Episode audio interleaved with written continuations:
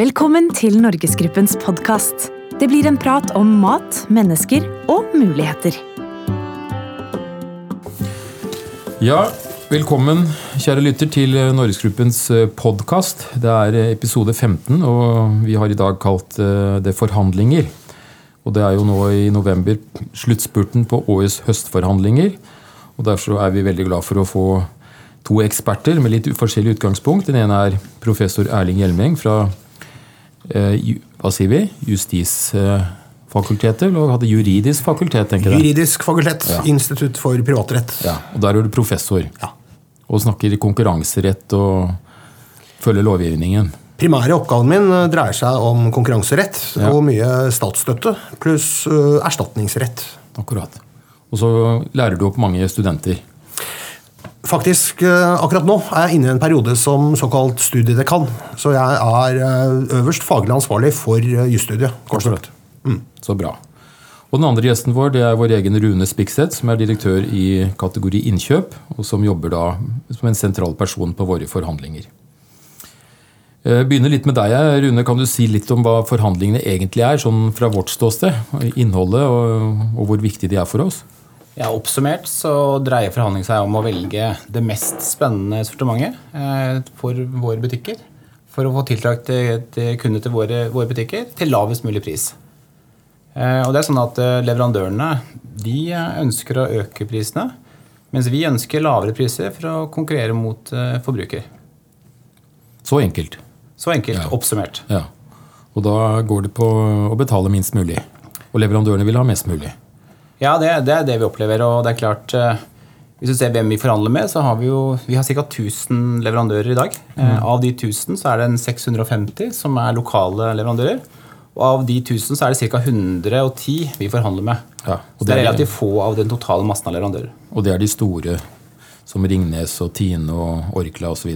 Ja, vi ønsker jo flere leverandører, vi. Ja. Vi har jo en del store. Ja. Hvis du ser de ti største som vi har, så står de for ca. 50% av det vi kjøper inn. Og du Erling, du har jo da fulgt denne bransjen fra ditt ståsted, fra ditt tårn, eh, og sett på forhandlinger og sett på dette hva skal si, skuespillet, eller hva det er. Eh, dette med forhandlinger, Hvordan ser du på det? Er, er dette viktig for samfunnet? Forhandlinger er veldig viktig for eh, samfunnet. Jeg la merke til at eh, Rune snakket om eh, best sortiment til lavest mulig pris. Og de to er jo like viktige for forbrukeren. Man kan jo si at eh, dagligvarekjedene de opptrer som forbrukernes agenter overfor leverandørene. Og da er det klart at eh, formålet må jo være at eh, varene kommer med best mulig kvalitet til kundene og til en lavest mulig pris. Altså slik at så lite som mulig av overskuddet blir liggende igjen hos leverandørene. Så er det selvfølgelig eh, like viktig å påpeke, eh, selv om vi nå sitter her hos Norgesgruppen, at konkurransen eh, og konkurranseloven som legger til rette for konkurransen mellom kjedene, selvfølgelig tar sikte på at så lite som mulig av overskuddet skal ligge igjen i kjedene. Så forbrukeren skal være vinner. Så det er enkel, klar logikk bak det. Men jeg spør meg litt selv, Erling, hvorfor får disse forhandlingene eh, så veldig mye fokus? Altså De siste årene så har vi i hvert fall opplever vi det at det har vært veldig mye kritisk søkelys på forhandlinger. Og så sier du som jusprofessor at dette er bra for samfunnet, og så føler vi kanskje, nå sier vi vi på vegne av Norgesgruppen, at det er veldig kritikkverdig. Nesten i seg selv å forhandle. Hvorfor er det slik? Eh, Dette tror jeg er litt eh, sammensatt, eh, rett og slett. For det første er jo utgangspunktet, som Rune også var inne på, at man har to parter med helt forskjellige interesser. Men de forskjellige interessene gjelder egentlig bare fordelingen av overskuddet. Altså hvem skal ha kronene, hvem skal sitte igjen med mest overskudd etter forhandlingene. Der partene har felles interesser, det er jo å, i å maksimere verdiskapningen. Rett og slett ved å produsere mer lønnsomt, øh, innovere øh, og gjøre dette til beste for forbruker. Derfor er det litt overraskende å se fra utsiden at øh, dette negative, som noen selvfølgelig vil oppleve som negativt, der man har to parter som liksom slåss om den samme kronen, så smitter det over på hele prosessen. Og denne prosessen er etter min mening altfor viktig til at uh, man bør se det på den måten. Så her må vi nyansere. Så kan man jo stille spørsmål hvorfor akkurat dagligvarebransjen har fått dette fokuset på seg. Jeg tror ikke det er noen tvil om at forhandlingene er vel så tøffe i andre bransjer. Men dette har nok sammenheng med at eh, bransjen er veldig tett på forbrukerne. Det er produkter forbrukerne har et uh, veldig sterkt forhold til. Og det er nok også slik at uh, forbrukerne lett kan få sympati med den ene eller den andre. Og Dermed ligger forholdene på en måte til rette for at man skal få et fokus akkurat på, på dette. Og så er det klart at Forbrukerne selvfølgelig er veldig engasjert i resultatene. Mm. For det dreier seg jo om hva man skal spise, og hva man skal betale for den maten man, man øh, øh, spiser og, og, kjøper i øh, butikken.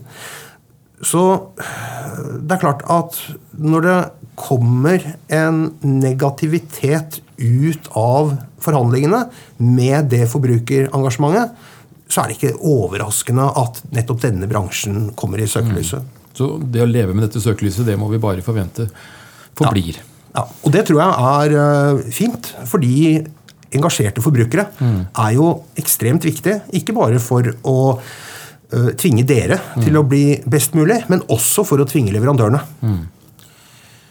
For noen år siden så hadde vi et matkjedeutvalg, et politisk oppnevnt utvalg som så nærmere på forhandlinger.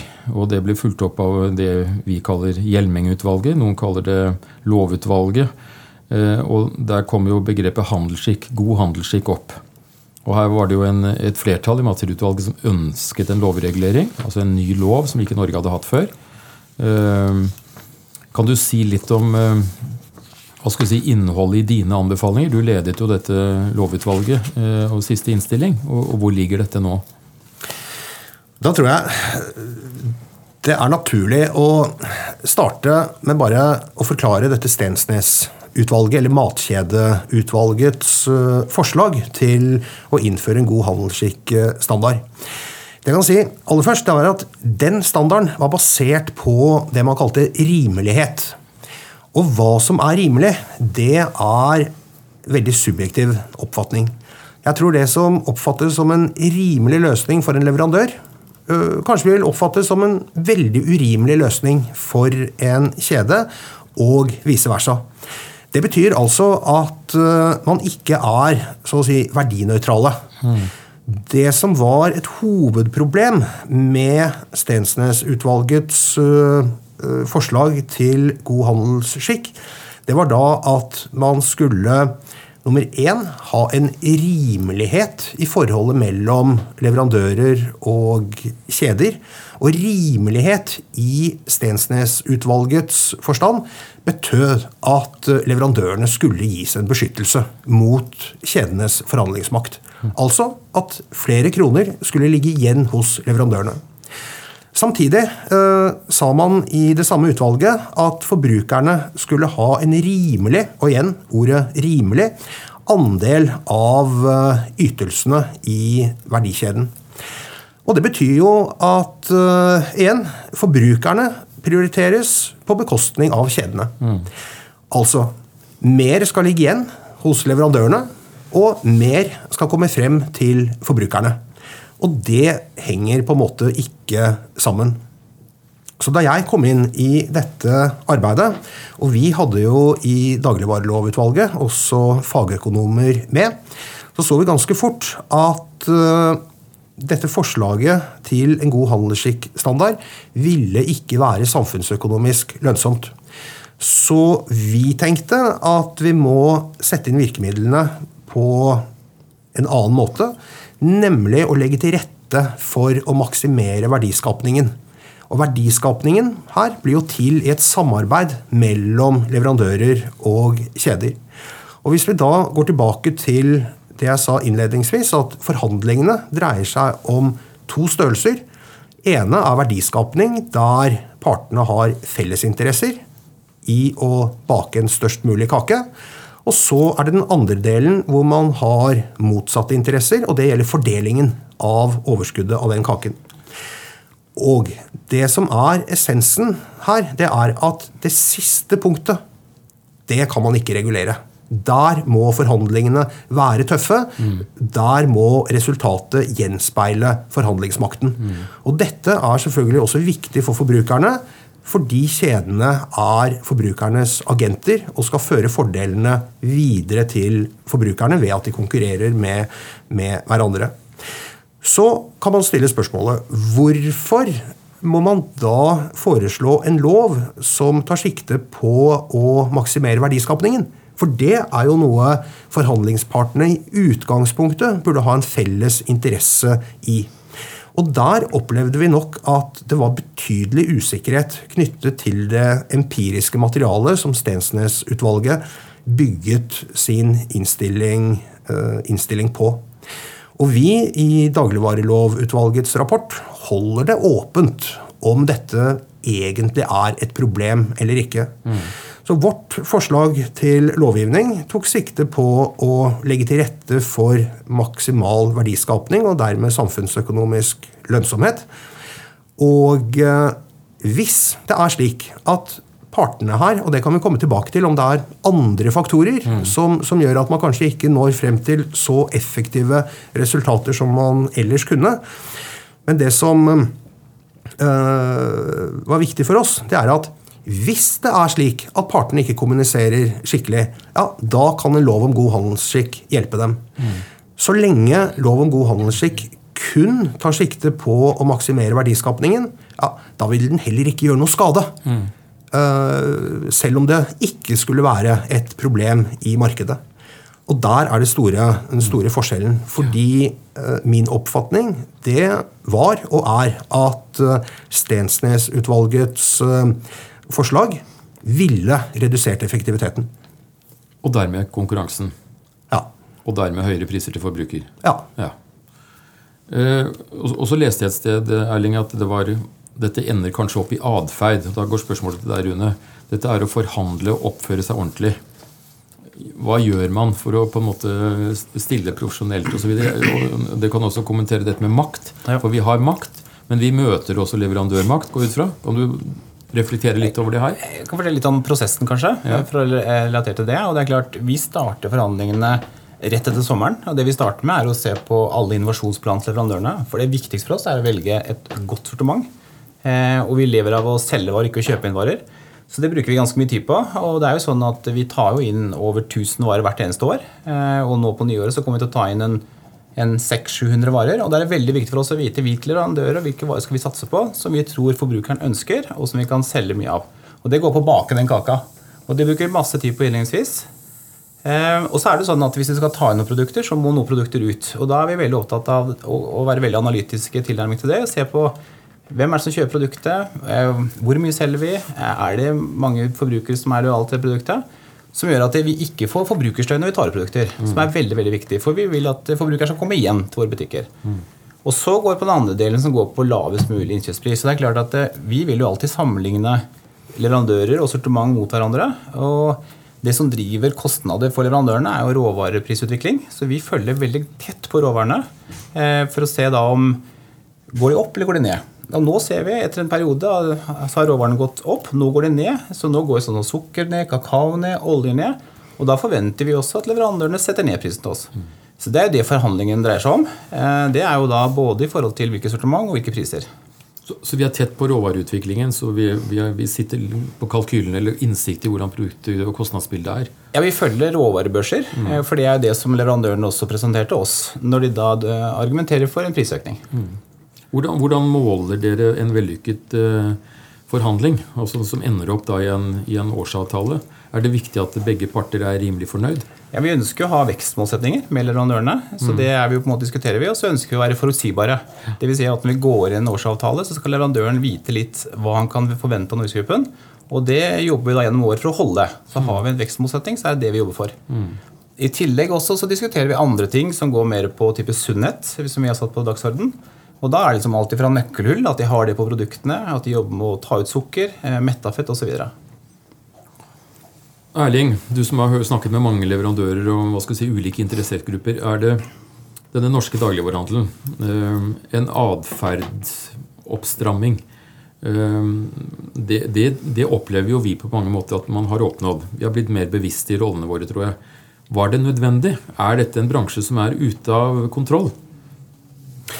Det tror jeg ikke. Og jeg tror at eh, det fokuset som har vært på disse problemene, eh, eller mulige problemene, det har vært sunt for bransjen. Fordi man har økt eh, profesjonaliteten, og man har kanskje også blitt mer bevisst på hvor viktig forhandlingene er. Ikke bare for å kjempe om pris, men for å komme fram til best mulige løsninger for forbrukerne. Jeg har lyst til å ta opp en problemstilling knyttet til dette med eh, innovasjon og innovasjonsplaner. For jeg tror at det kan også forklare denne linken til det samfunnsøkonomiske. Det var jo mye snakk om eh, kopiering, og at uh, leverandører delte i innovasjonsplaner, nye resepter, med kjedene. Og at uh, man opplevde at dette da dukket opp som egne merkevarer. Mm. Det er selvfølgelig noe, hvis det er sant, som kan virke urettferdig. Men samfunnsøkonomisk så er ikke det et problem i seg selv. Samfunnsøkonomisk blir det først et problem dersom leverandørene ikke tør å presentere sine innovasjoner. Da vil de kanskje mer se seg tjent med ikke å innovere, fordi de er ikke sikre på at de kan ta ut en tilstrekkelig del av overskuddet ved innovasjonen. Og der, øh, hvis øh, det er atferd i bransjen som har den øh, virkningen at leverandørene ikke innoverer, da snakker vi om et samfunnsøkonomisk tap. Mm. Hvordan er innovasjonstakten i bransjen? Eh, for Nå får du innsikt i hva skal innovasjonene for neste år. Du kjenner, du kjenner de fleste kjenner, nyhetene som kommer. Alle de som kommer. Og Der er vi fortrolige, selvfølgelig. Veldig, og det går på tillit. Og det er klart Den tilliten får du bare én gang. Og, mm. og, Hvis vi ser at vi har andre ting som kommer tidligere, så sier vi fra om det ganske fort. Hvis vi ser at det kan være konfliktsituasjoner. Og det går på å ha en åpen dialog. Mm. Men det er også viktig for leverandørene å få en tydelig tilbakemelding hvis de skal investere i utstyr og maskiner, eventuelt planlegge kampanjer, slik at de kan være sikre på å få den, eh, det salget som de forventer. Mm. Og Det også har vi fått tilbakemelding fra leverandørene, at de eh, både verdsetter den tilliten og de gir oss gode tilbakemeldinger på det. Et begrep som folk blir konfrontert med tidvis, Rune, er jo begrepet delisting. Altså et produkt ja. som blir borte i sortimentet. Eh, hva er historien bak en delisting? Normalt? Ja, normalt så er det jo det produktet Hvis vi skal inn med nye produkter, eh, så er det sånn at hyllene våre blir ikke større. Så da må et produkt ut. Og da går vi og ser på de produktene som presterer dårligst. Eh, og så diskuterer vi med leverandøren om de er enig i det, og så foreslår vi produkter som skal ut. Og leverandøren foreslår også produkter som skal ut. Eller om det er produkter som har veldig mye svinn, som vi ser at vi klarer ikke å selge nok i forhold til spesielt på ferskvare. Eh, så kan vi også velge å ta det ut. Så det er egentlig delisting er produkter som ikke selger bra. Mm. Og vi tar, ønsker jo ikke å ta produkter som selger bra. Eh, vi ønsker jo å ha produkter som både presterer, og som tiltrekker kunder til våre butikker. Spørsmålet til deg, Erling, på det her. Kan, kan en lovregulering på en måte eh, bryte inn i ansvarsforhold i forhold til hvilke produkter en kjede skal ha? Nei. Så enkelt er det? Ab absolutt ikke. Her bør lovgiver ligge langt unna. Og jeg vil også si at eh, delisting, det er helt ok. Hvis det er produkter som ikke forsvarer sin plass i hyllen, så har de heller ikke noe å gjøre der. Da har forbrukerne uh, felt sin dom, og leverandører og kjeder må selvfølgelig ta konsekvensen av det. Så er det én ting som er viktig med delisting. Dette er kun et problem hvis frykten for delisting fører til at man ikke tør å lansere nye produkter. Og eh, nøkkelordet her det er at leverandøren må ha tilstrekkelig forutsigbarhet, slik at det er forretningsmessig rasjonelt å gjennomføre investeringene. Så øh, i dagligvarelovutvalget, i motsetning til det mange tror For det er mange myter om øh, det lovforslaget vi, vi øh, kom med. Men vi legger ingen som helst føringer på delisting. utover det at uh, vilkårene skal være avtalt på forhånd. Mm. Og det er en rimelig balanse, for da, og da har man også en risikofordeling mellom kjede og leverandør, regulert i avtalen. Leverandøren vet hva man har å forholde seg til, og investerer på den bakgrunnen. Mm. Hvis det derimot er mer en sånn black box, og man vet på en måte ikke når kjeden vil deliste, så skaper det selvfølgelig et veldig dårlig investeringsklima også. Mm, mm. Og Det er først der man hindrer investeringene, at eh, den samfunnsøkonomiske lønnsomheten mm. står på spill. Jeg blir litt nysgjerrig på hva du egentlig mener da, Erling. Tror du vi, det blir en lovregulering av høstforhandlinger? Får vi en lov om handelsskikk som kommer til å gripe inn i sortiment og marginfordeling i Norge? Um, det jeg iallfall kan si, er at hvis man skulle få en lov, så håper jeg den ligger så tett som mulig opp til det vi uh, foreslo. Når det gjelder sannsynligheten for en lovgivning, så er jo det selvfølgelig avhengig av Stortingets uh, sammensetning og, og, hvem som er i posisjon. Og uh, på bakgrunn av valget tidligere i høst, så ligger det vel ikke til grunn for en slik lovgivning. Mm. Men jeg håper ikke at eh, man en eller annen gang i fremtiden skulle gi en lov der man begynner å overprøve partenes forhandlinger, overprøve partenes avtaler, begynne å fordele overskuddet etter hva som oppfattes som rimelig balansert. Da dukker med en gang diskusjonen om matbaroner opp Eh, versus kanskje mindre og svake uh, leverandører. Man får verdivalg, man får en lovgiver og i verste fall domstoler som skal sitte og diktere utfallet av det som bør være tøffe, men effektive forhandlinger. Eh, dette med mm, forbedringer hos bransjen altså Nå skal vi ikke ta stilling til lov eller ikke lov, men kan bransjen gå fortsatt noen forbedringsrunder, tror du? Altså I forhold til å finne løsninger på, på, det, på atferd, på tvister osv.? Er det ting som vi bør gjøre? Jeg tror alltid det er eh, et rom for eh, forbedringer i alle bransjer. Og det er noe som også bør drive bransjen fremover. Når det gjelder atferden akkurat i eh, dagligvarebransjen, så registrerer jeg vel at det er langt mindre støy enn det var for noen år siden. Og vi ser også uh, en del solskinnshistorier uh, med tanke på nye leverandører uh, som kommer inn. Vi ser også at forbrukerne blir hørt en veldig god historie der, det syns jeg er dette med kylling og narasin i fôret. Mm. Hvor det kom tydelige signaler fra forbrukerne via kjedene til leverandørene som nærmest kastet seg rundt og tenkte nytt. Og det viser jo at uh, ting fungerer. Mm.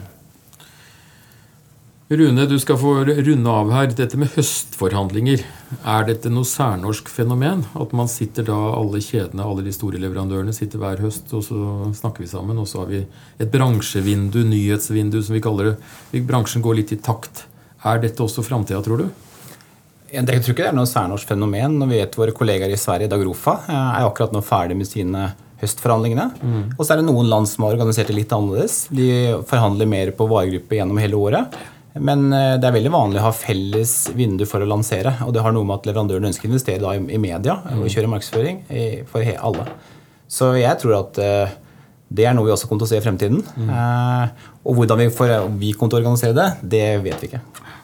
Og Erling, takk for at du kom. Du, er du optimist for bransjen? Går dette bra? Går det rette vei med oss? Jeg tror man er inne i en positiv utvikling. Og så vil jeg gjerne legge til at det er noen ting som er viktig for dagligvarebransjen, og som ikke akkurat gjelder forhandlingene. Og det gjelder selvfølgelig en del strukturelle utfordringer. Vi snakker nummer én om høstforhandlingene, som betyr at eh, det kanskje er noe å vinne på mer langsiktighet i bransjen. At ikke alt skal restartes eh, årlig. Mm. Det er det ene. Eh, det andre jeg vil nevne, det er at man jo sitter med et eh, landbruk med en markedsregulering som kan på en måte forstyrre litt disse signalene som forbrukerne er avhengig av å sende direkte til leverandørene. Flott. Takk for at dere kom. Tusen hjertelig. Abonner på Norgesgruppens podkast i iTunes og på Soundcloud. Besøk oss på norgesgruppen.no. Gi oss gjerne tilbakemelding på Facebook-sidene våre.